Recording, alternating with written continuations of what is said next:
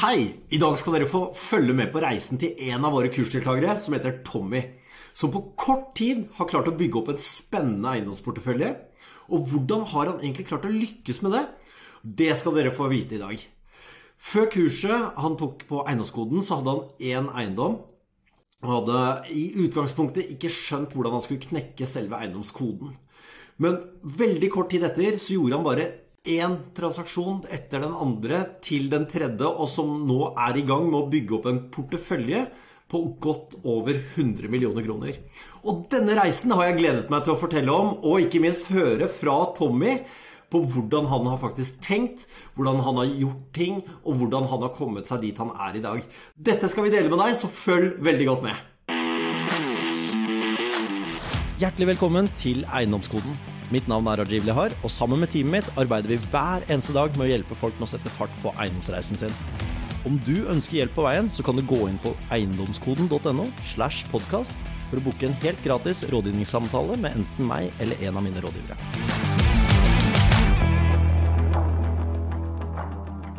Hei og hjertelig velkommen skal du være, Tommy. En fantastisk glede å ha deg med på dagens podkast. Takk for det. takk for Det Det var veldig veldig hyggelig, Raug. Det, det, her er noe jeg har gleda meg til sinnssykt, fordi jeg har fulgt litt reisen din på sidelinja.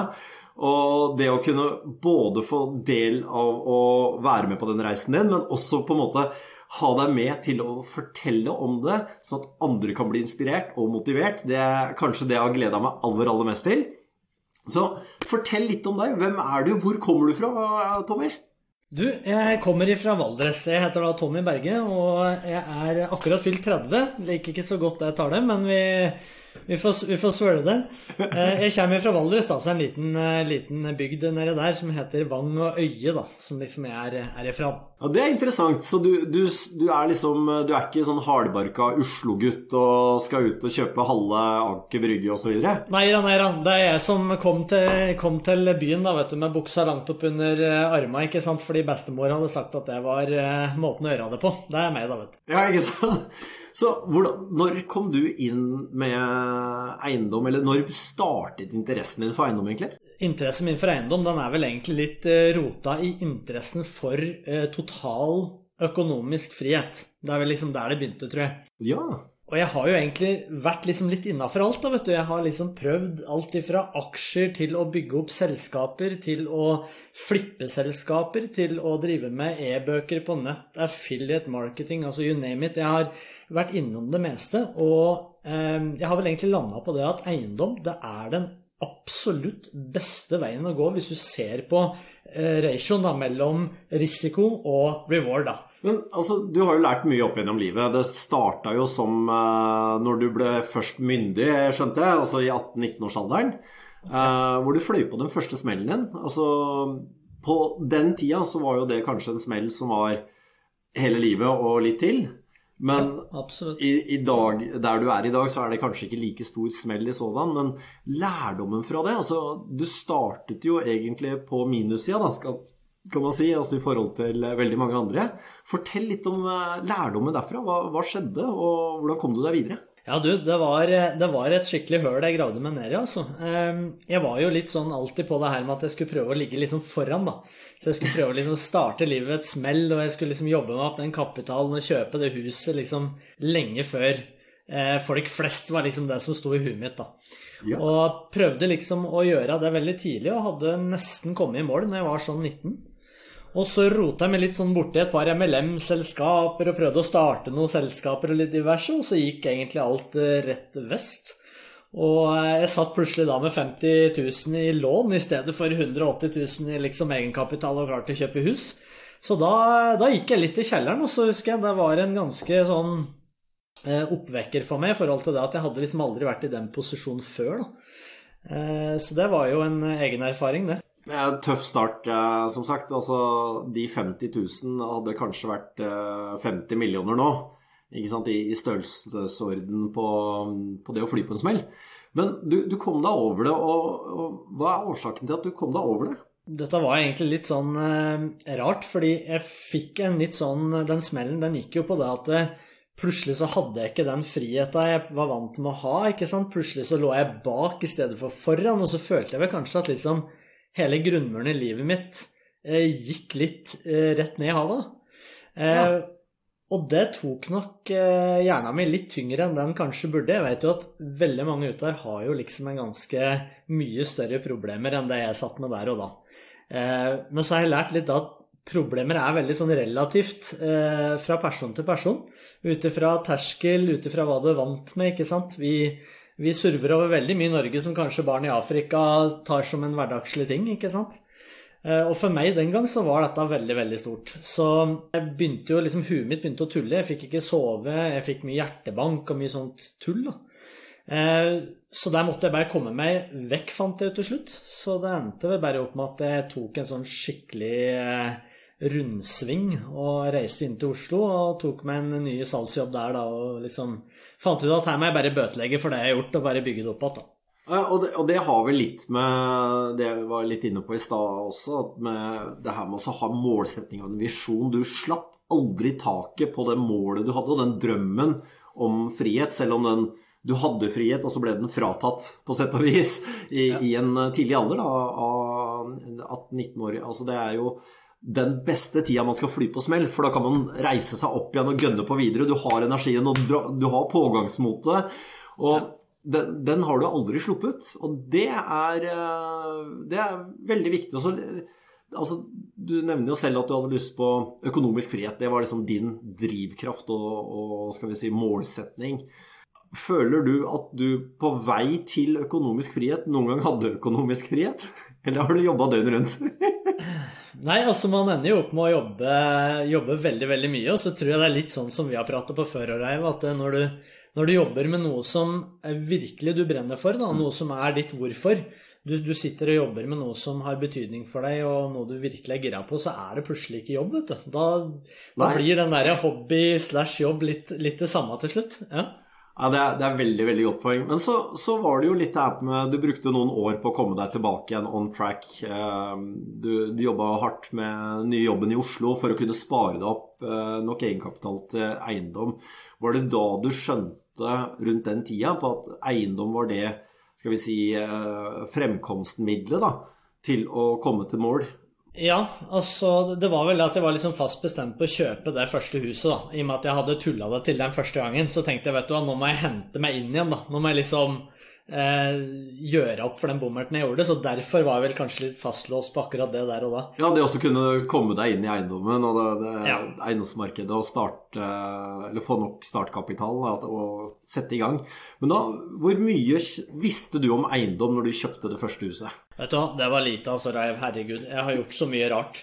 Eh, jeg hadde hørt at det var dritkult å pusse opp plasser. altså Det var bra, liksom. Hvis du greier å finne en plass å pusse opp, da, da er du rå. Så det var liksom eh, Kanskje det første tanken min da var at liksom Jeg skal finne et ordentlig, ordentlig sånn rusteholk, og så skal jeg pusse den opp, liksom. Det var det var saker. Men det, det, er jo for øvrig en veldig god start. Eh, fordi da er du jo inne på noe som eh, vi har snakka mye om, det der med verdiskapning. Altså, men hvor mye hadde du pusset opp før du gikk på et oppussingsprosjekt? Nei, altså jeg hadde jo ikke drevet med det i det hele tatt, vet du. Så jeg visste jo knapt åssen jeg brukte Jeg visste jo ikke hva ei kapp og gjærsag var engang, liksom, da vi var der, altså. Ja, Så du hoppa egentlig inn i et uh, ukjent farvann uten redningsvest og uten, uh, uten påhengsmotor på jolla? ja, absolutt. Og det var heller ikke noe plan bak det heller. Det var liksom bare få tak i et hus som kan pusses opp, og så uh, sørg for at du har verktøy, da, så du kan sette deg i gang, liksom. Vi var der, da. Jeg hørte jo noen rykter om at du var på trikken i Oslo eh, som en bygdegutt med, med, veska full av verktøy og Fortell litt om den, da. Hvordan var det å kjøpe dine første verktøy? Nei, du, det var litt vittig. Jeg, jeg satt jo i Oslo, da, vet du, og så etter jeg hadde fått finansieringsbevis og alt, så skjønte jeg da at vet du, her blir du ikke sittende satt med mye etter kjøpet, Tommy. Nå må, du, nå må du tenke smart her, så nå må vi kjøpe billig verktøy som er på tilbud. Og så begynte jeg da ikke sant, å sømfare nettet da, vet du, etter tilbud på verktøy, og da fant jeg ut at oi, kapp og gjærsaga den kan jeg liksom få til 2300 kroner der, og så kan jeg få en, eh, en annen type verktøy på den andre plassen. Var, jeg bodde jo fortsatt i Oslo, ikke sant. Ja. Og jeg hadde jo ikke bil eller noe som helst, dette ble jo kollektivtrafikk. Og jeg hadde vel kanskje undervurdert litt hvor tung en sånn eh, kompressor eh, er. altså nå, Og husk på at dette her er jo ti år siden. Altså I dag så er de litt lettere, da. Altså, du, du flagra rundt og skulle i gang med ditt første oppussingsprosjekt med trikk og verktøy på trikken, kompressor og driller Ja og hammer og, og alt og det. Men du hadde jo sånn sett en veldig god start. Eh, Det var eh, en annen ting som er veldig interessant. Du bodde i Oslo. Det er veldig mange som tenker liksom ja, jeg skal kjøpe i Oslo, skal kjøpe i liksom storby. Ja. Men du havnet jo og tenkte riktig på at det her er så mye som du kan få i lån. Ja. Det her er så mye du har i egenkapital. Og da måtte du begynne å se etter andre områder. Eh, Dette er jo litt det der som du, du har prata veldig mye på i kursene, Reiv, og det er jo dette her med verdiskapning. At man skal på en måte eh, Jeg ser på det litt sånn at du skal, du skal investere, du skal ikke spekulere, da. Eh, Vi ser jo eh, når folk driver med aksjer, f.eks., altså, ikke sant, om en går opp eller ned, det er jo egentlig ingen som veit, sant. Og det er ting som er utenfor din egen kontroll, som styrer om de går opp og ned. Og sånn er jo på en måte til dels òg eiendomsmarkedet. Det er bare mye tryggere, tryggere og litt, eh, har litt lengre track record på å gå oppover. Men så har du jo måten at du kan kjøpe en eiendom. Jeg ser veldig mange gjør den feilen. De går inn, kjøper en eiendom fordi at prisen skal gå opp over tid. Fordi de vet at eiendomsmarkedet går opp. Og så har du da den andre måten. Jeg mener at det der er jo spekulering, fordi du har ikke noe kontroll over det sjøl. Men akkurat det her med å kjøpe noe som du selv vet nøyaktig hvordan du skal øke verdien på Du vet at ok, jeg skal gå inn her, jeg skal tilføye et ekstra soverom, eller jeg skal sånn og sånn. Da er det plutselig en investering, det er ikke spekulering lenger, for da er det deg det står på, ikke sant, og du vet hva du skal Stemmer. gjøre. Ja. Men du har jo prøvd litt begge deler. For den første, den pusset du jo opp. Eh, Du kjøpte den for, var det rett over en eh, litt over en million, var det det? Ja, han lå ute til en 450, og så hadde han jo liksom ikke blitt solgt, da. Og så gikk jeg inn, og så begynte jeg å prute litt. Eh, klarte å få den ned til 1 mill. 70, hvor vi lokka inn dealen. Og så fikk jeg da kjøpt den, og da hadde jeg hatt 80 000 som skulle brukes på oppussing, så da ble det mye gipsplatebæring og, og spikring sjøl, da, for å si det sånn, for å få, eh, få opp verdien der. For å få tilføyd verdi, da. Ja. Og da var du rundt eh, Så den første investeringa di var eh, i en alder av rundt 25? Eh, du, den første var Da var jeg 21. 21. 21? Ok, ja. Altså, ja, stemmer det, for du brukte, jo, du brukte jo litt tid på Hvor lang tid brukte du på å pusse opp og, og få refinansiert? Vet du hva, jeg, har, eh, jeg er veldig blest med en veldig flott familie som er med og hjelper til mye. Så de kom og slo ring rundt meg og hjalp meg masse med å få i gang den første eiendommen. Så eh, det ble mye spikring sjøl og sånn, men jeg har en onkel som er litt snekker, så han viste meg veldig mye, og bestefar har liksom drevet litt med det, så jeg fikk veldig mye hjelp fra folk rundt meg òg. Til å få ferdigstilt den ganske fort, så i løpet av en tre-fire måneder da hadde vi jobba fullt 100% på. Da satt vi der og panka til sene kvelden. Ja. Eh, så ble vi da ferdige med den, da. Og selvfølgelig med deler av prosjektet, da, for jeg hadde jo ikke mulighet til å fullføre hele. Og hadde jo ikke gjort noe bra budsjett eller noe som helst vet du, på forkant. At det var litt sånn take action, ikke sant. Ja, så, så det de gjorde, så du, du kjøpte en eiendom, du fikk pruta litt, eh, du så et oppussingspotensial der sånn, du hadde ikke noe erfaring fra, fra før av, men du heiv deg litt ut i det. Og Ja. det, det har jo gått bra. Det, ja. fortell litt hva du gjorde i neste steg. Altså første eiendom. Eh, du, først og fremst måtte du bøte med feil du hadde gjort tidligere. Jobbet deg opp litt egenkapital, fikk kjøpt den første. Langt utafor Oslo-regionen, og for øvrig din egen region, der du kommer fra. Men, men du så etter hva du kunne skape. Og så fikk du litt blod på tann. Da fikk jeg litt blod på tann, vet du, for jeg så da at sjøl hvor lite jeg visste der, og liksom hvor lite planlagt dette var og sånn, så når man bare begynner og tar action og på en måte kommer seg ut der, så blir det noe. For noe kommer det til å bli. Hvis Ja. du bare står på og ikke gir deg, så, så blir det jo noe. Og jeg tror da at når vi var ferdig med å regne på hele opplegget her, så ble det liksom en sånn fin pakke til slutt likevel. Vi hadde tilføyd litt verdi gjennom å, gjennom å pusse opp. Og vi hadde muligheten til å da leie ut nede eh, og bo oppe. Ehm, så her var det liksom litt potensial, og det ga meg en fin verdiøkning på boligen, som jeg da kunne bruke til å kjøpe bolig nummer to, da. Jeg venta også et par år der, så jeg fikk litt eh, økning da i, markedet også med meg, da. Altså, du, du kjøpte den for 1 million og 70, og så Hvor mye var den verdt etter oppussing litt sånt? nå? Eh, Første taksten fikk jeg på en 1,8. Så er jo God 700 000-800 000 i, i økning. Og hva gjorde du i neste steg? Du, da gikk jeg vel egentlig inn og så kjøpte meg en leilighet, og det her liksom nok en gang, da, ikke sant, man veit ikke hva man driver med, og man går ut og tenker, vet du hva, her skal jeg bare kjøpe opp, nå, nå skal jeg liksom få tak i mest mulig leiligheter, var tanken min da med mest mulig penger, eh, mest mulig leieinntekter da, imot verdien, ikke sant? Ja. Det var vel det jeg tenkte da den gang. Eh, og så kjøpte jeg meg en leilighet nummer én. Jeg venta et par år, og så hadde jo begge de da både første hus og leilighet nummer to gått litt opp. Og så kjøpte jeg da leilighet nummer to, men da stoppa det. Og Hva var det som stoppet uh, veksten da? Da var det jo den 5X inntektsregelen da som ble innført. Stemmer. Og det er jo veldig mange der ute som enten mangler den egenkapitalbiten eller fem ganger inntekt eh, på, på privaten. Altså det, men det du gjorde i det steget der, sånn, var jo også et ganske smart trekk. Det er jo Du så på alle eiendommene som individuelle objekter, samtidig som du evaluerte de som en slags portefølje. Så hva, hva var tanken din da? Altså, du fikk jo litt blod på tann. Men eh, du er jo ikke en person jeg kjenner som stopper opp av den grunn. Hvordan kom du deg hakket videre? Her begynte jo liksom utfordringa å komme, og det var her jeg var veldig veldig takknemlig for at jeg fikk gått gjennom kurset ditt og fikk såpass mye verktøy i verktøykassa mi, som du liker å kalle det, til å faktisk kunne gjøre noe med det her. Fordi nå hadde jeg kjøpt to leiligheter som jeg ikke kunne tilføye noe som helst verdi på. ikke sant? Jeg hadde ikke helt skjønt det konseptet ennå. Eh, Så her bremsa det seg litt. Rann. Og det tok meg en del år å få de to leilighetene i første omgang, og så måtte jeg på en måte innse at ok, hvordan skal jeg komme meg videre her? Så etter å da ha tatt kurset ditt og begynt å liksom få en litt bredere forståelse for hvordan jeg skulle gå fram, så fant jeg ut at her er jeg nødt til å selge nå leilighet 1, leilighet 2. Eh, gjøre da en ny vi, vi gjorde en mellomfinansiering da her. Ja. Eh, for å da kjøpe et enda litt større objekt. For jeg visste at jeg hadde litt grann mer å gå på på den 5X inntektsregelen.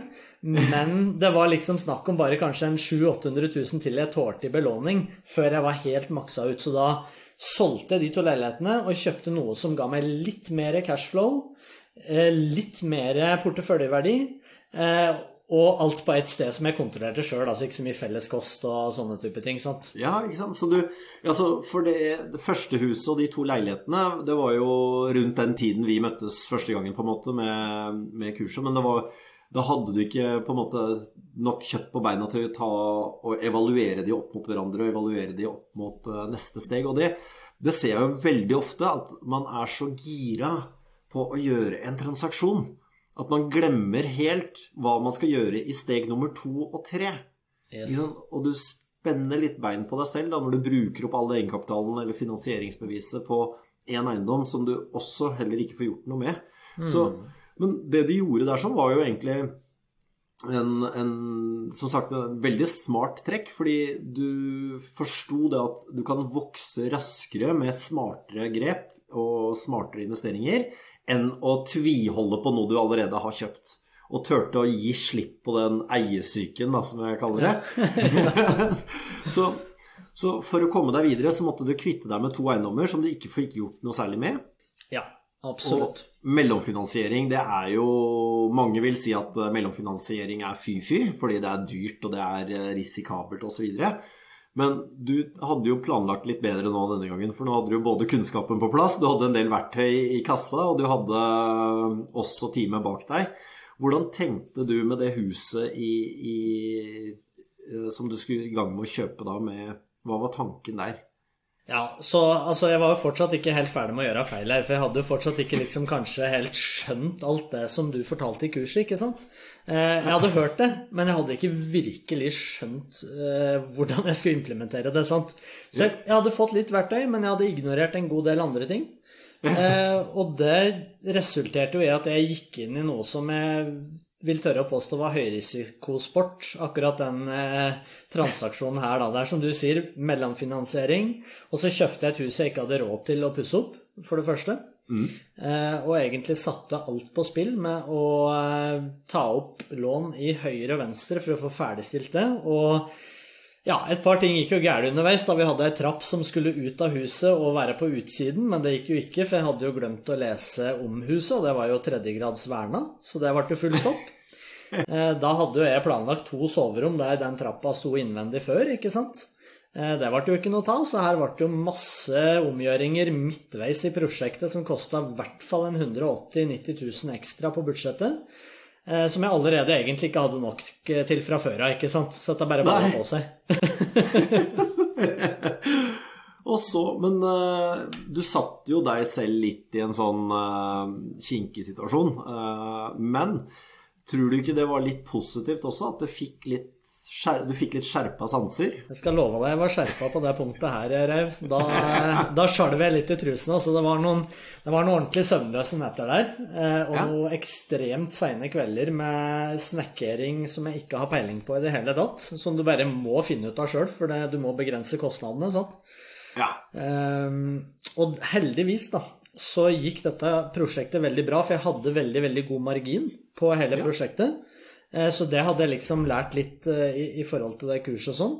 ja. Men det er klart at jeg maksa meg ut på alt som var. Jeg måtte til og med ta et privat lån, som var litt artig, fordi at jeg brukte jo kursportalen her, og jeg brukte det nettverket som, som vi har i den Facebook-gruppa. Og Stemmer. så spurte jeg liksom bare sånn Du, er det noen som er interessert i å låne liksom ut en 200 000-300 000 i et eh, prosjekt som ser sånn og sånn ut? Og så fikk jeg jo da en kar da som tok kontakt og, og var villig til det da etter han så prosjektet. Så det var veldig, det var veldig flott. Ja, Så du har både henta kunnskap, kompetanse, nettverk og investorer fra kursgruppa? Ja, riktig, riktig. Så jeg har fått veldig, veldig stor verdi av det, altså. Ja, men Det er gøy å høre. Og så er det jo som sagt ekstremt eh, spennende å høre på hva du gjorde i neste steg. For nå har du liksom flydd på Du starta med en enebolig til drøye millionen. Pussa den opp, fikk verdivurdert den etter oppussing. Du hadde også litt leieinntekter der. Gikk ut og maksa ut og kjøpte to leiligheter som egentlig ikke var verdiøkning på, men du fikk de til å gå litt rundt med et nødskrik med, med den leia som kom inn. Men så solgte du de for å kunne kjøpe noe som du kunne vokse raskere på. Så på det tidspunktet så hadde du da to hus Ja, eh, når du skulle gå videre. Og fortell om eh, historien din på hvordan du havna fra da en eiendomstransaksjon på 1 million kroner til å nå ha en portefølje med partnere på over 100 millioner kroner. Hva, hvordan kan en så enkel ting som å tape en budrunde føre deg til 100 millioner kronersklassen? Ja, det, det var en historie i seg sjøl, det. Jeg, jeg var jo nå Nå hadde jeg jo tatt denne høyrisikoen da, ikke sant, med det forrige huset, og den, den svei, altså. For det var virkelig litt redd der et sekund på at jeg virkelig hadde tråkka i baret. Ja. Men når alt ble ferdig, så var det god margin. Jeg fikk refinansiert ut og betalt tilbake absolutt alt. Jeg fikk litt eh, lang betalingstid fra håndverkere sånt noe som hjalp meg liksom å få all likviditeten til å gå opp eh, på hengende håret der.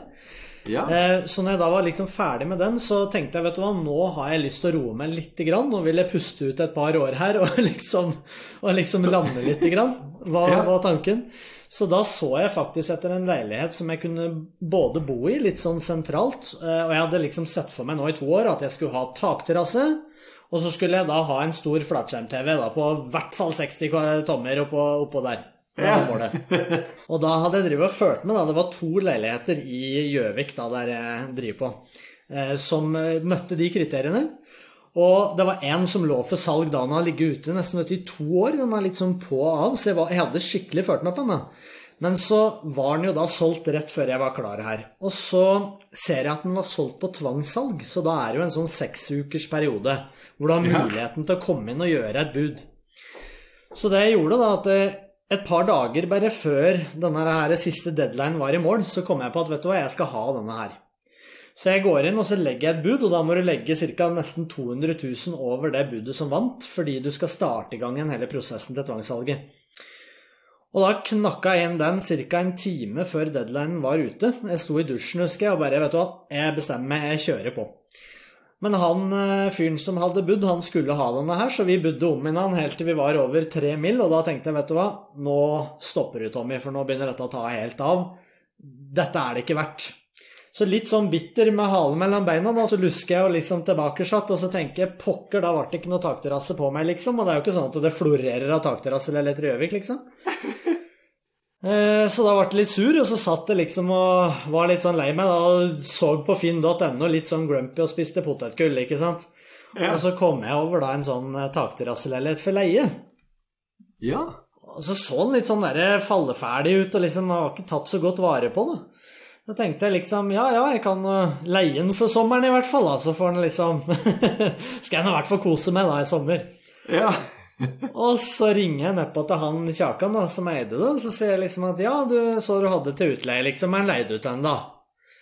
Nei, det, det var den ikke, sier han da. Og så så jeg liksom at den var så shabby, og så tenkte jeg liksom ja, du er ikke tilfeldigvis ute etter å selge den, da, sier jeg. Ja, nei, men det kunne godt hende, sier han, så liksom du får ta deg en tur ned, da, kan vi ta en prat med enten, da. Så jeg gjorde det, rusla ned samme dag og tok en liten prat, og da kom jeg jo inn i en bygård på nesten 400, nei, 4000 kvadrat, midt i sentrum av Gjøvik, som ikke var tatt vare på i det hele tatt. Altså, du kunne se det i vegga, utvendig, innvendig. Halve bygget sto jo tomt. Ja. Og det var jo her liksom mye av de tingene i kurset begynte å poppe inn i huet mitt, at jeg plutselig kjente at jeg hadde masse verktøy til å skjønne at her er det jo en mulighet, ikke sant?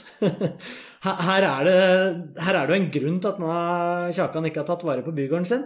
Så da Yes. spurte jeg rett ut, jeg, så sa jeg at eh, du er ikke interessert i å selge hele bygården, da? Jo, det kunne jo hende for riktig pris.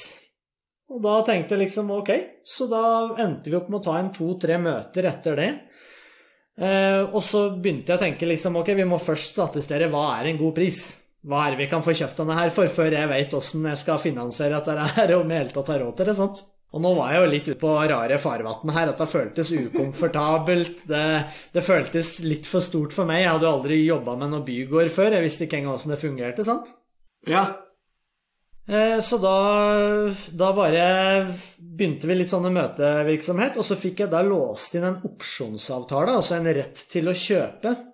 Men, og dette er noe du hadde om i kurset ditt, rett til å kjøpe, men ingen plikt. Ja. Og, og sier da at ok, vi kan eh, falle på en kjøpesum rundt 13 millioner. Eh, han ville helst ha 18 millioner til å begynne med. Vi fikk pruta den ned til 13, låste inn en opsjonsavtale slik at vi hadde rett på kjøpen, men jeg ville gjøre litt due diligence og litt undersøking først. Så at jeg kan si nei i løpet av en periode på tre uker. Jeg burde satt lengre tid, men jeg satte tre uker.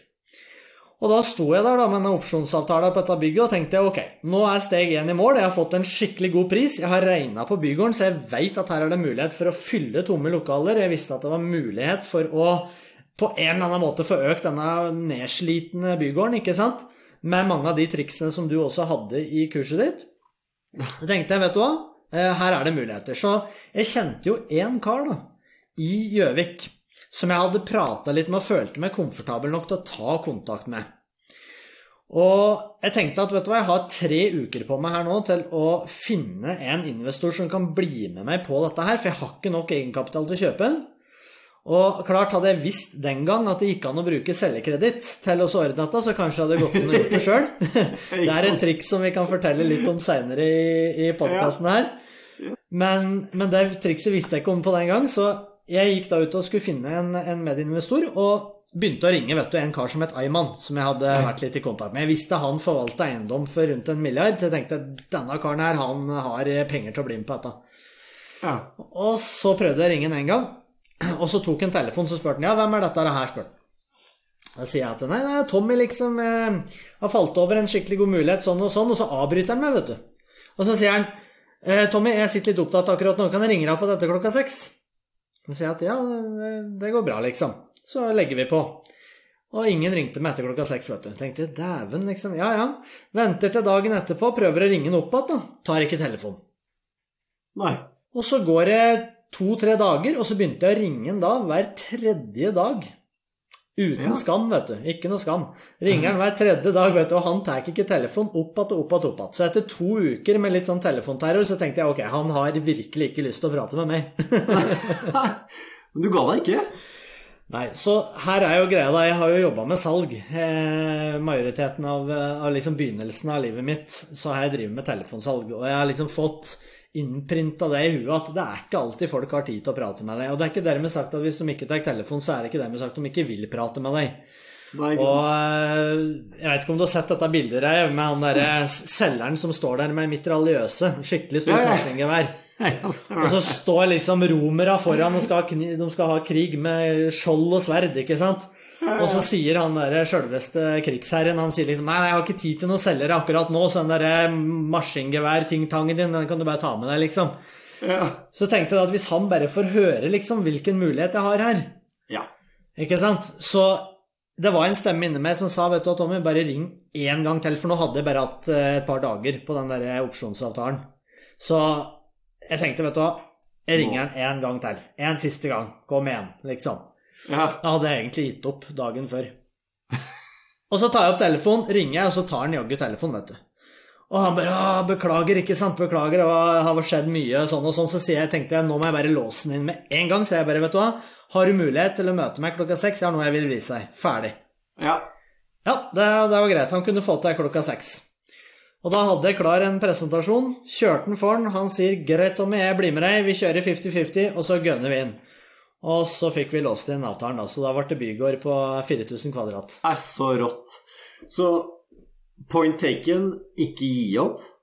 Hold på drømmen, og tør å tenke større enn det lommeboka Altså, du hadde jo ikke verken penger, finansiering eller kunnskap på det bygget heller. Men du turte å ta det steget, og du ga deg ikke før du fikk det gjennom. Det er jo helt rått. Men det her er jo litt kul. eh, Den bygården er jo Det starta egentlig med at du skulle kjøpe en leilighet som var på tvangssalg. Du, du bøy og bøy over og tapte den budrunden til en annen, og så ga du deg ikke på at du skulle ha en tak takterrasseleilighet. Så ender du opp med å kjøpe hele bygården, hvor du egentlig skulle se på en utleieannonse. Altså, i livet så har man jo veldig mange møter Altså man møter muligheter, mennesker eh, som endevender retninga på livet 180 grader.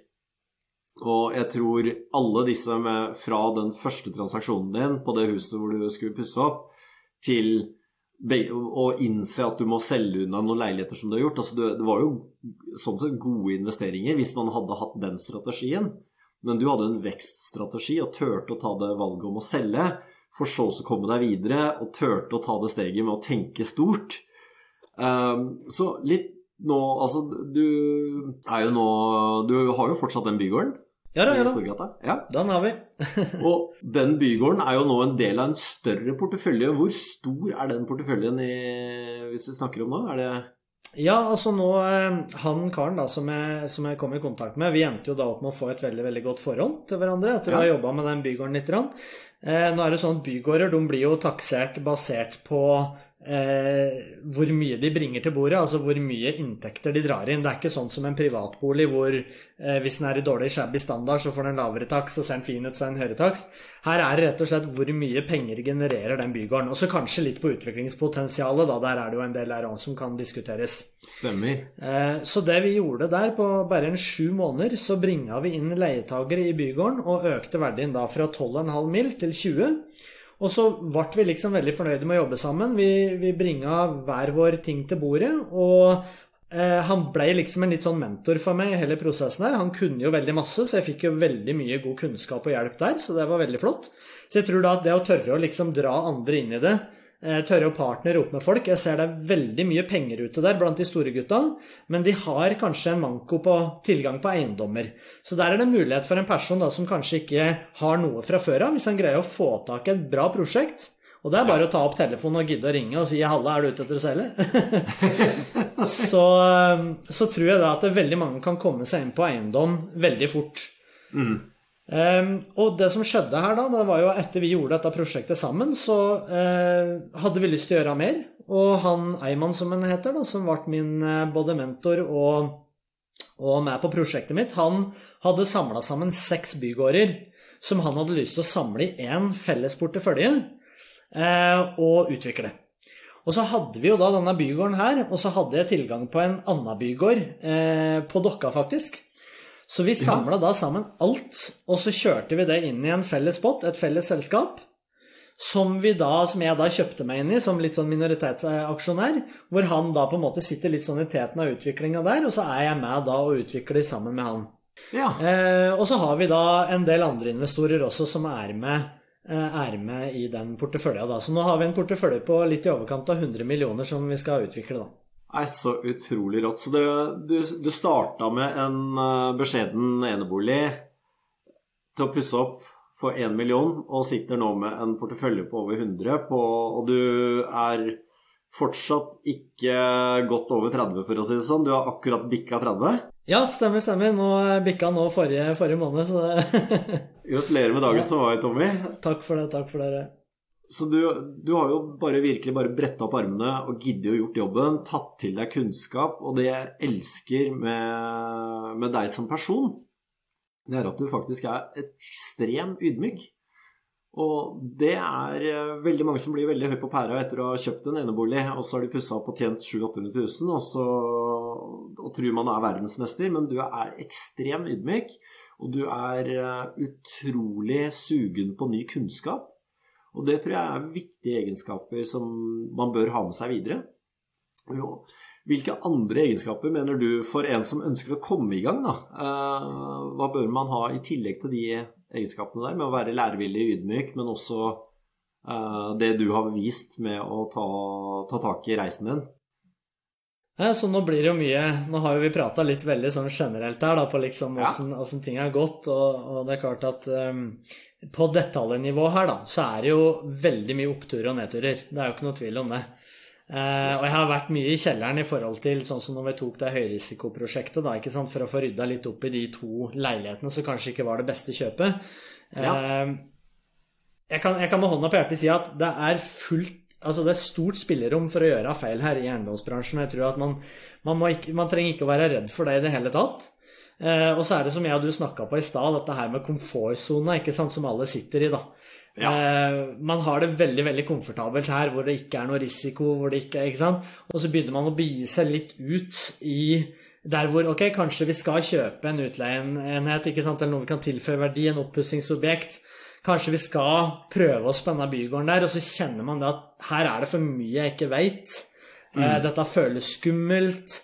Her er det mye følelser som, som, stopper deg fra å gå fram. Og så var vi litt, eh, litt sånn tøffe her i stad når vi drev og prata på det. Så sa vi at vet du hva, det blir, det blir sydd mye puter opp under armene på folk i dag. Vi har det så mm. komfortabelt her i Norge.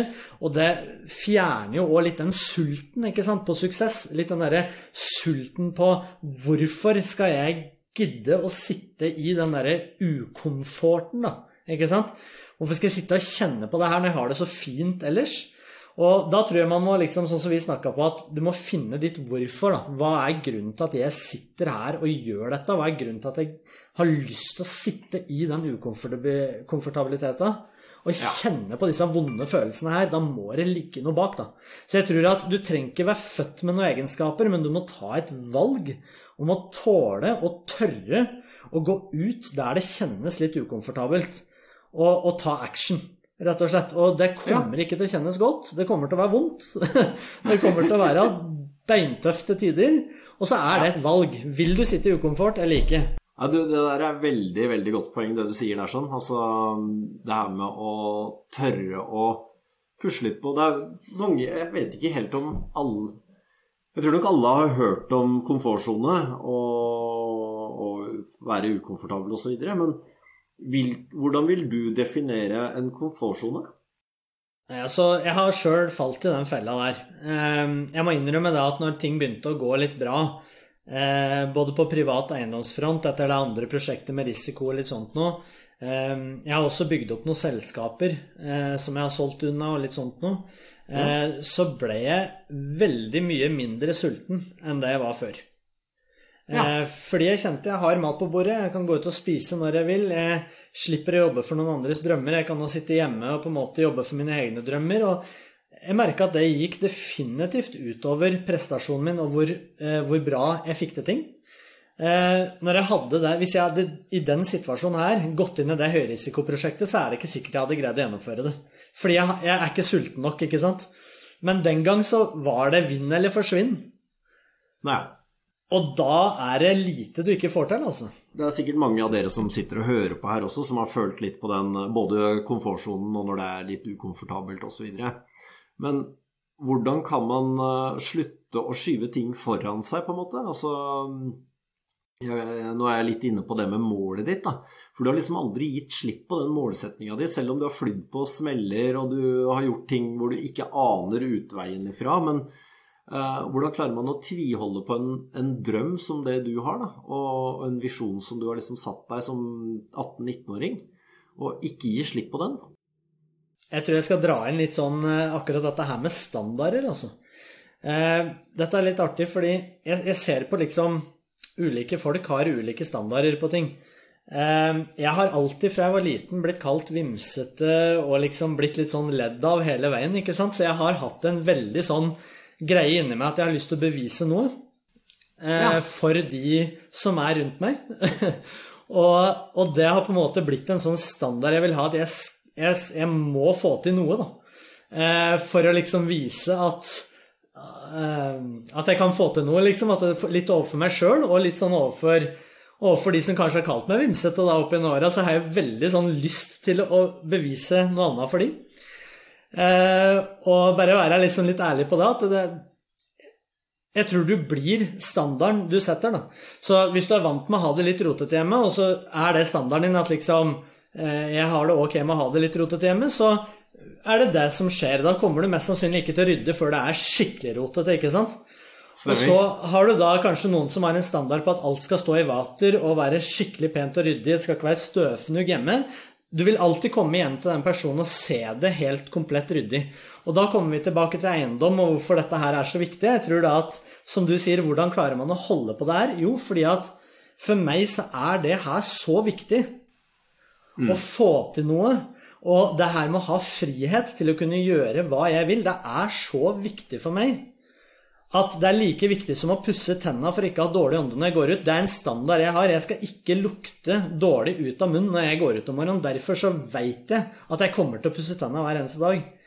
Og jeg mm. tror hvis, hvis, folk tenker litt på samme måte at ok, eh, hva er mine standarder? Hva er det som er superviktig for meg? Så viktig at det er en standard i livet mitt. Hvis du, hvis du finner et hvorfor da, som er så hardt, så tror jeg at det er lettere å å holde ut da, i de tøffe tidene og, og, komme seg opp av sofaen og gjøre det. For det gjør vondt når du ikke gjør det. Veldig, veldig bra forklart, eh, Tommy. Og det er helt enig med deg. Og det, og det, det jeg syns er så gøy når du forteller Uansett om det er opptur eller nedtur, så forteller du med en lidenskap. Og, og, det er så liksom, du, du blir så dratt med i den lidenskapen. Og det tror jeg er kanskje det som skiller en som bare drømmer litt vagt, enn en som drømmer og virkelig på en måte har satt den drømmen på, på et tidspunkt og en, eh, en målsetning som er, har, en, eh, har, et tidspunkt for oppnåelse. Da. Ja, ja. Så hvordan kan man finne ut av en så sterk målsetning som det du har for din del? Altså, nå, er kanskje ikke din målsetning det samme som alle de mm. som hører på, på denne poden. Men hva, hva, tror du er viktig som målsetning som virkelig trekker en mot målet, og ikke sånn at du må dytte deg selv mot målet?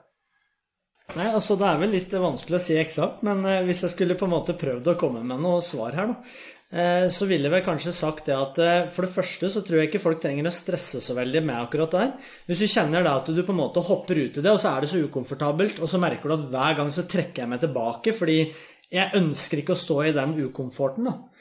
Så tenker jeg det at eh, da er du da har du kanskje ikke så lyst på det her. Enkelt og greit. Og det er, det er liksom, det er helt ok, det. Dette er ikke for alle, og det er ikke noe alle må gjøre heller. Det er veldig, veldig fint å ha et helt annet type liv. Eh, det er jo liksom ikke noe galt med det. Alle må ikke gjøre det. Eh, men så tenker jeg, hvis du har såpass lyst da, at du sitter der og konstant er skuffa over deg sjøl, eller sitter der og tenker 'jeg skulle ha gjort mer', ja. da tenker jeg at da er du nødt til å begynne å grave litt inni deg sjøl.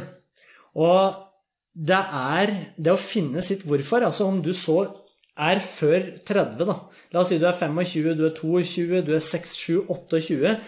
Om du så er over 30, 35 og videre oppover, og bruke 30-40 år av livet ditt på å finne ut hvorfor eller hva du har lyst til å gjøre de neste 30-40 åra, jeg syns ikke det er en dårlig investering. Ehm, jeg tror at folk bare må ta tida, digge godt inn i seg sjøl, For å finne det hvorfor. Og det må, det må være sterkt. Det må være noe som liksom ikke bare er overfladisk. Det er ikke bare et flatt mål. Det må være noe som virkelig Dette er grunnen til at jeg gjør det her, altså.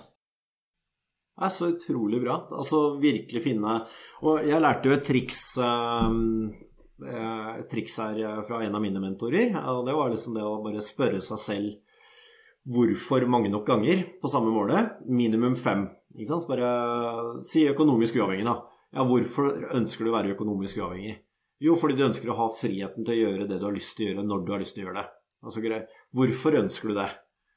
Så jo, fordi at jeg ønsker å drive med veldedighet, f.eks. Ja, greit. Hvorfor er det så viktig å drive med veldedighet for deg? Så når man spør og graver dypt nok, så finner man virkelig kjernen. Og det, så lenge det er noe som er tangible, altså noe du kan ta og kjenne og føle på, så har du kanskje funnet den, den uh, drivkraften da, som det du har bevist nå de siste ti årene på reisen din.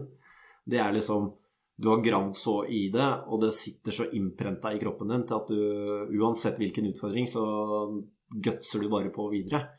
Så uh, det der var helt, helt rått, uh, Tommy. Er det noen andre tips uh, du har til de som eventuelt hører på nå, som ønsker å kanskje komme i gang med sin første eiendom, eller som ønsker å bygge en portefølje sånn som du sitter på i dag? Du, Jeg har skikkelig lyst til å komme med noen litt sånn kule, kule tips og triks til de som ja. sitter ute. fordi eh, jeg føler at veldig ofte når jeg hører på, hører på folk prate, så er det liksom veldig mye sånn generelt. Og så er det liksom den derre spesifikken som, som eh, liksom Hvordan, ja, men hva? Hvordan skal vi gjøre dette her? Og jeg tror da at hvis jeg hadde måttet begynt helt på nytt nå, da, med det jeg vet i dag, ja. eh, så hadde jeg rett og slett bare begynt å ta opp telefonen og ringe på bygårder som var nedslitt i, altså spurt om det er noen som ønsker å selge. Og så, For jeg vet at det er veldig mye folk med penger ute der. Mm. Som ønsker flere prosjekter. De, de, jakter og slåss om prosjekter, men de har ikke tida til å gå ut og ta de telefonene som det man har når man ikke har noen prosjekter. Gå ja. ut der, Ta opp telefonen, begynne å ringe rundt på de som eier. Bare gå inn på Se eiendom, ikke sant, f.eks. Der kan du se hvem som eier hver eneste bygård i, i hver eneste by i hele Norge. Ja. Ta opp telefonen, begynn å ringe rundt. Få tak i en som har lyst til å selge. Gjør en forhandling med han. Få inn en opsjonsavtale hvor du har retten til å kjøpe, men ikke plikt. Og så går du ut og finner en investor eller en kar som driver med eiendom, en som forstår tall Ta kontakt med ham og spør Hei, har du lyst til å være med på det prosjektet. her? Gjør litt research så du veit hvordan du skal konkret regne på denne eiendommen og presentere det for den. Det er litt sånn research du må gjøre. Og så rett og slett bare tar opp telefonen og begynner å ringe sånne investorer. Til slutt så kommer du til å møte en bra bygård som har potensial. Du kommer til slutt til å møte en investor som har lyst til å være med deg, for det er bare et numbers game, hele greia. Og dette mm. kan du både gjøre på bygårdsnivå, hvis du vil skikkelig slå til, og du kan òg gjøre det på små privatboliger. Eiendomskoden her er jo et godt eksempel på hvor man kan finne både investorer og folk med prosjekter, for den del, hvis man har penger og ønsker å være med på prosjekter.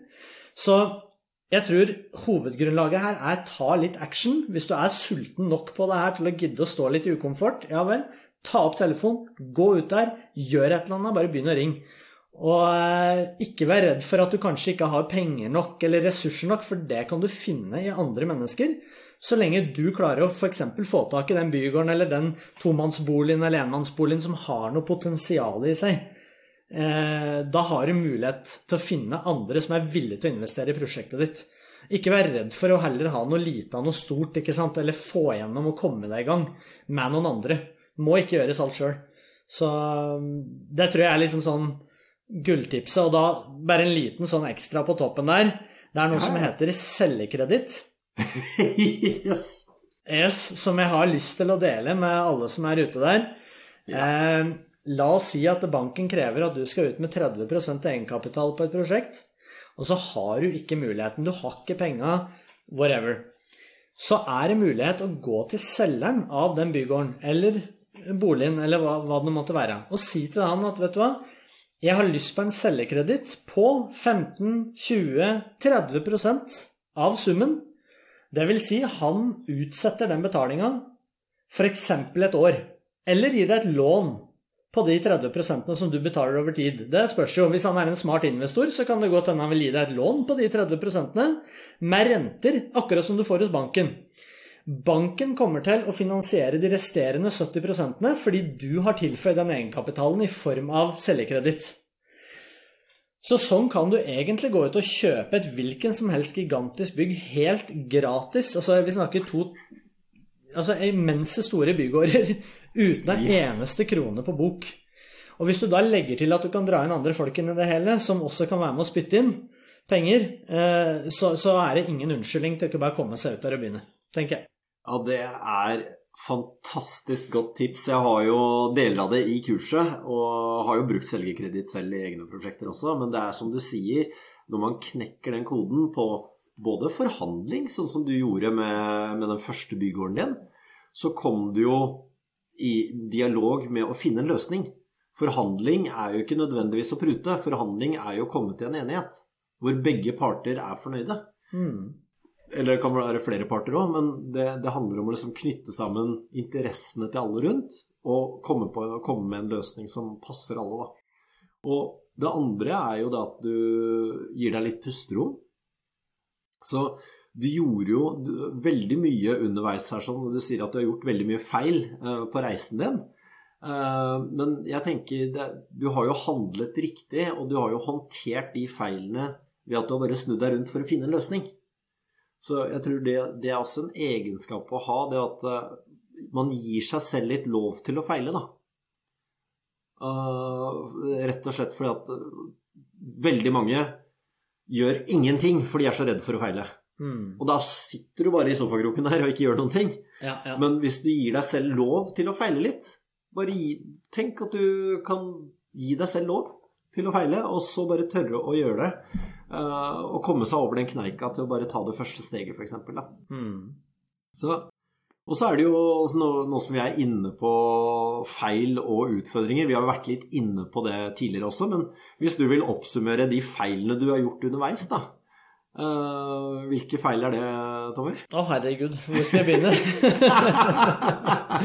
Nei, fy søren. Det er, vet du hva? Jeg er så glad for at eiendom gir så mye rom for å korrigere feil og rom for å gjøre feil generelt. Uh, det er et så fint marked å være i. Eh, vi kan begynne med det første kjøpet mitt. Det jeg går inn der uten noe som helst plan annet at jeg skal pusse opp uten kapital. Det var jo en stor feil i seg sjøl. Eh, burde kanskje ha gjort litt mer grunnarbeid der, spart opp kanskje litt mer, eller hatt en eller annen plan for hvordan jeg skulle finansiere resteparten av, av det prosjektet. Eh, kjøpe de to leilighetene som ikke hadde noe utviklingspotensial, som bare stoppa Liksom satte proppen i hele, hele farta, da. Eh, mm. Det var jo en stor feil. Det derre andre prosjektet hvor jeg gikk på en smell med trappa, og så sitter du der med? Du har belånt deg for å få gjennom det prosjektet her på alle fronter. Høyrisikolån med 20% rente i høyre og venstre. Kjempeskummelt, pluss en mellomfinansiering. ikke sant? Jeg satte meg i en så skvisa situasjon at det var ikke et eneste scenario i hodet mitt hvor dette er her eh, Hvor det var noen andre løsninger enn å få dette til, da. ja. Så Og Det er, tror jeg, altså Som sagt, det, det er jo på sett og vis feil når du ser på det nå. Ikke sant? Men det er jo som jeg pleier å si eh, til kursdeltakere også, og gjerne nye eller, eller, også de som har store porteføljer, det er at det man ikke vet, vet man jo ikke. Nei, det er noe med det. Og, og det er veldig dumt å gi fra seg en mulighet, eller gi fra seg drømmen, eller eh, Fordi at man rett og slett bare ikke vet. Og Litt sånn som altså, Du har nevnt kurset så mange ganger nå. at eh, Du, du har jo fått noen aha-opplevelser gjennom det også. Og, og liksom bare Oi, det visste jeg ikke. ikke sånn som så selgerkreditt. Det er veldig mange som ikke vet hvordan det funker. Men når du vet det, så er det jo som om du alltid har visst det. Ja, faktisk. Det er et godt poeng. så, sånn som re, mange som ikke skjønner det med refinansiering, f.eks. Men når du har skjønt det, så er det jo som en del av investeringsstrategien. Det er å refinansiere når du har kjørt verdiøkninga. Og, og, det tror jeg er eh, noe man bør ta liksom, og tenke på. Da, at det du ikke vet, vet du ikke. Så kanskje søke kunnskap eller kompetanse, nettverk, mentor, coach eller et, en eller annen som kan eller er der du ønsker å være. da. Og, og ta, ta, del av deres lærdom, så man slipper å gjøre de feilene på nytt. ikke sant? Jeg husker jeg hørte jo mange av disse tingene der mange, mange ganger før jeg først sto der og virkelig burde ha brukt det, og så gjorde jeg ikke det. For jeg, jeg, jeg hadde aldri sett noen andre rett foran meg gjøre det, ikke sant? Sånn som det her med ikke cellekreditt og sånn. Det var jo eh, første gangen når jeg og Neiman da skulle kjøpe en av bygården. Eh, jeg hadde forhandla inn en opsjonsavtale, men han kom inn og spurte etter selgekreditt på 1,5 million og fikk ja på det. Så hvis jeg hadde bare implementert det den gang, så kunne jeg i hovedsak kjøpt den bygården helt selv. Ja. Ikke sant? Eh, Og så kunne man stilt litt sterkere videre, men siden jeg da på en måte ikke I hodet mitt så trodde jeg ikke engang på at det gikk an. Så det, for det er liksom så rart å høre at jeg kan gå og kjøpe en bygård til 12,5 mill. med bare 1 million i egenkapital. Altså, hvordan lar det seg gjøre i den virkelige verden? Sant? Men, ja, og jeg tror uansett hvor mange ganger jeg og du sier det her på det webinar, nei, på det podcasten her, så tror jeg faktisk det kommer til å være akkurat det samme for folk som hører på. Det går inn det ene øret, ut det andre. Og så har vi hørt liksom at det er noe som heter det, men det er ikke før det liksom slår deg i trynet at du virkelig skjønner at det her går an. Du kan gå ut der og kjøpe en eiendom til 100 mill. om du vil, helt gratis, uten ei krone. Få inn leietagere, fyll den opp, og så betaler den seg sjøl. Så har du liksom Det er faktisk mulig, altså. Og så er det jo noe veldig smart dere gjorde med den bygården. Altså dere kjøpte, da Han ville selge den for 18, men du fikk den ned til 13. Ja, 12,5 endte vi på. Helt Dere endte på 12,5. Ja. Og så, hvor lang tid brukte dere på å øke den til eh, Er det 19 den ble økt til? 19,5 fikk vi taks på da etter vi var, eh, etter vi var ferdig med sjølve innhenting av leietagere og den biten der, da. Ja. Og hvor mye brukte dere? Eh, nei, nesten litt i underkant av 100 000 bare, eh, faktisk. Så du kjøper en eiendom til 12,5 millioner kroner etter å ha pruta ned fra 18. Du bruker under 100 000 kroner, og så er den verdt 19,5. Hvordan i huleste er det mulig? Ja, eh, det er litt kult at du spør, for da kan vi på en måte dele enda litt kullere triks Yes. med, med folk her. Fordi dette er jo en av de tingene som jeg bare Jeg vibrerer når jeg snakker om det, for jeg har så lyst til å fortelle absolutt alle om det her. Det er så utrolig rått. Uh, altså, Yes. det er jo så magisk hvordan, hvordan en næringseiendom blir prislagt. For du har så mye flere våpen du kan bruke for å få opp prisen på den. Det er ikke bare å bruke millioner av kroner på å pusse den opp. Det er ikke sånn man må gå fram for å øke en, en verdien på en næringseiendom. Hvis du, La oss si du hadde gått ut nå og brukt det trikset vi snakka om i stad, hvor du Ja. går ut der, du bruker en selgekreditt for å slippe å betale egenkapital, eller du henter med deg en medieinvestor som er med deg og kjøper denne bygården her. Ok, nå har du fått tak i bygården, men nå er du jaggu nødt til å kunne stå for det òg, ikke sant? Hva hvis du òg da har vært såpass smart at du har kalkulert ut litt ting i den bygården som du veit nøyaktig, da er vi tilbake på de grunnprinsippene vi snakka på, Røyen. Du skal vite hvordan du skal kunne tilføye verdi, ikke sant? Yes. Vi skal ikke spekulere når vi driver og investerer i eiendom, vi skal investere. Så vi skal vite hva vi skal gjøre for å tilføye den verdien. Og da har vi regna ut det, vi at ok, halvparten av denne bygården her, den står faktisk tom. Og så ser den ut som et ordentlig, ordentlig sånn nedrusta høl. Ok, Så vi har begge deler her. Vi vet vi kan pusse den opp, men det koster masse penger. Men så står den også tom. Og han drar bare inn én million i leieinntekter. Men hvis jeg da er skikkelig rå, så tar jeg opp telefonen, og så ringer jeg til Nille. Og så ringer jeg til liksom alle de kjedene jeg kjenner til. Så ringer jeg til alle de som leier i nærmiljøet rundt denne eiendommen. Og så jakter jeg på leietagere, og så gir jeg dem kjempegode deals. Og sier, vet du hva, hvis du kommer inn i min eiendom, så skal vi gjøre sånn, sånn, sånn, sånn. sånn. Eh, og så får du fylt opp denne bygården, slik at nå drar ikke den bygården her inn 1 million i året. Han drar inn 2 millioner i året. Så er det faktisk sånn at en bygård er prislagt basert på leieinntektene den drar inn, i hovedsak. Det er selvfølgelig et par andre ting som spiller inn, men du har jo utviklingspotensialet og selvfølgelig shapen og formen i forhold til oppussing. Men hvis den drar inn to millioner, så skal det godt gjøres å få en pris under 20 mill. på den bygården. Ikke sant? Så hvis du klarer du å få tak i en leietager, noe du faktisk òg, bare for å dra enda mer tips inn i det hele her nå, du til og med kan gjøre før du kjøper eiendommen. Du kan, Yes. du kan, nå kan vi kombinere alt dette her sammen, og så kan vi si at ok, la oss si du, du skaffer deg en opsjonsavtale, altså en rett på å kjøpe eiendommen, men ikke en plikt. Så sier du at jeg vil ha en due diligence-periode, altså en undersøkelsesperiode, på fire måneder. Så la oss si du greier å selge inn det. Ok. Og så bruker du en selgekreditt, så du slipper å ha med deg en eneste investor eller noen ting. eh, banken ordner resten, du får en selgekreditt på det siste. Og så har du da i tillegg de fire månedene ringer du rundt og skaffer en leietager som fyller resten av bygget. Kanskje én svær en, eller mange små. Yes. I det sekundet du da eh, har gått fire, Det har gått fire måneder, og i det sekundet du da kjøper dette bygården For du sier at ok, nå innvilger jeg opsjonsavtalen min, så flytter den nye leietageren inn. Boom! Så går du da til en megler som basically er som en jeg kaller han en leprechaun. Han sitter i enden av regnbua, og han kan si det at eh, han kan rett og slett lage gull med hendene sine. Han sier at ok, nå er denne bygården verdt 20 mill. og ikke 10. Fordi du har fått inn en leietager som nå gjør at denne bygården drar inn 1 million ekstra i året. Ok, nå skal du gå til banken igjen, og så skal du refinansiere ut det den derre cellekreditten du fikk. Bom! Og så har du en gratis bygård, stor reinntekt, så kan du gå og selge bygården videre med en gang dagen etterpå om du vil. Du kan allerede sitte klar med investorer eller folk som bare tar den ut av hendene dine og sender den videre. Og så tar du bare mellomcutten for alt dette. Har du tjent 10 millioner på en dag, om du vil. ikke sant? Altså, det, det er ganske vilt hvordan du kan pusle det spillet her, hvis du bare kan alle disse her triksa.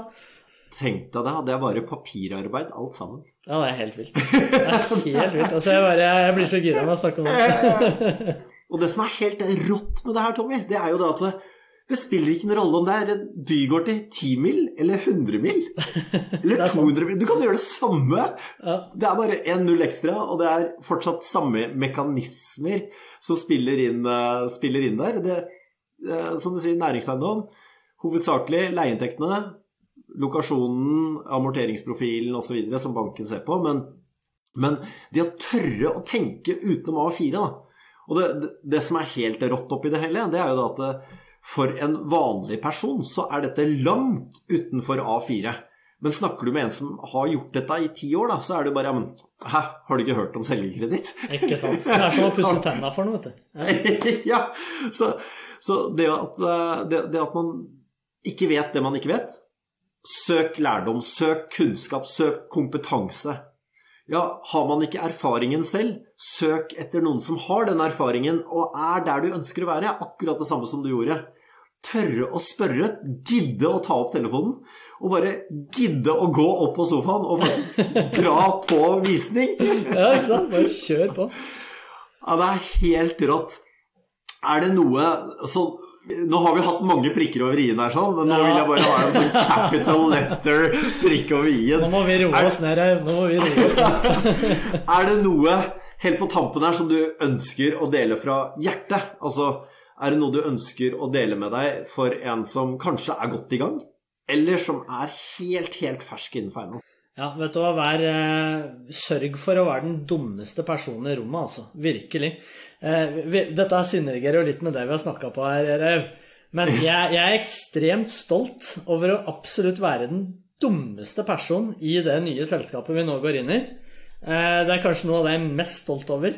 Eh, jeg er seriøst den mest uerfarne, dumme personen som eksisterer i det rommet til enhver tid når vi har, hvis vi nå skal ha noen styremøter eller noen, noen samlinger på alle oss investorer som nå sitter i dette nye selskapet. Jeg er absolutt den dummeste der, og det er det jeg er mest stolt over. Det var noe veldig viktig du sa. Det å være Der kommer du tilbake til den ydmykheten. Eh, jeg tviler på at du er den dummeste der, for du er ganske smart, oppegående person, Tommy. Men du er kanskje den mest uerfarne av de andre.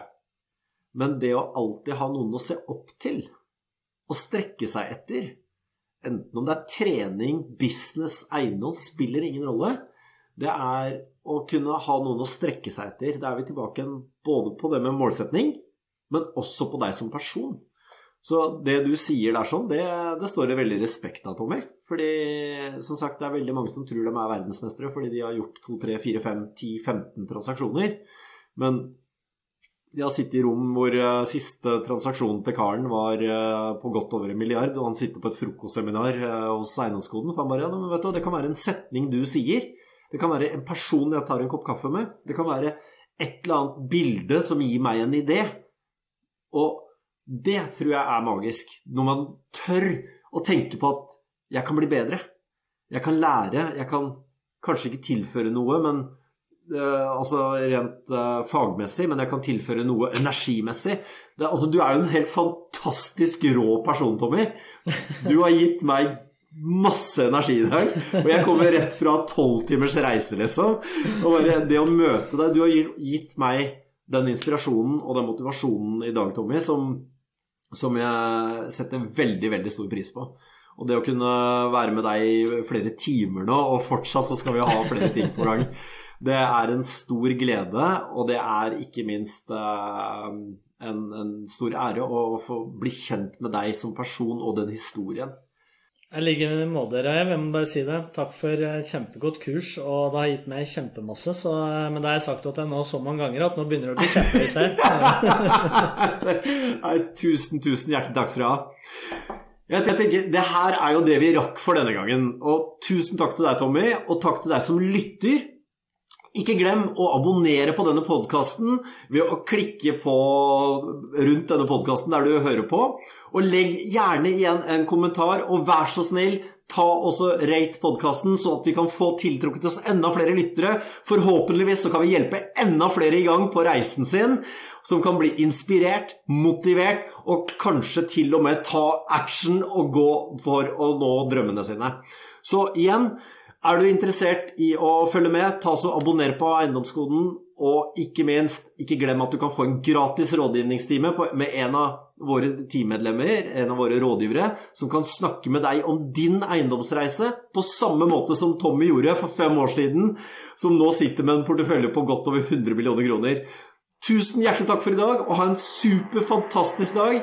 Gå inn på eiendomskoden.no slash podkast, så ses vi om ikke så altfor lenge.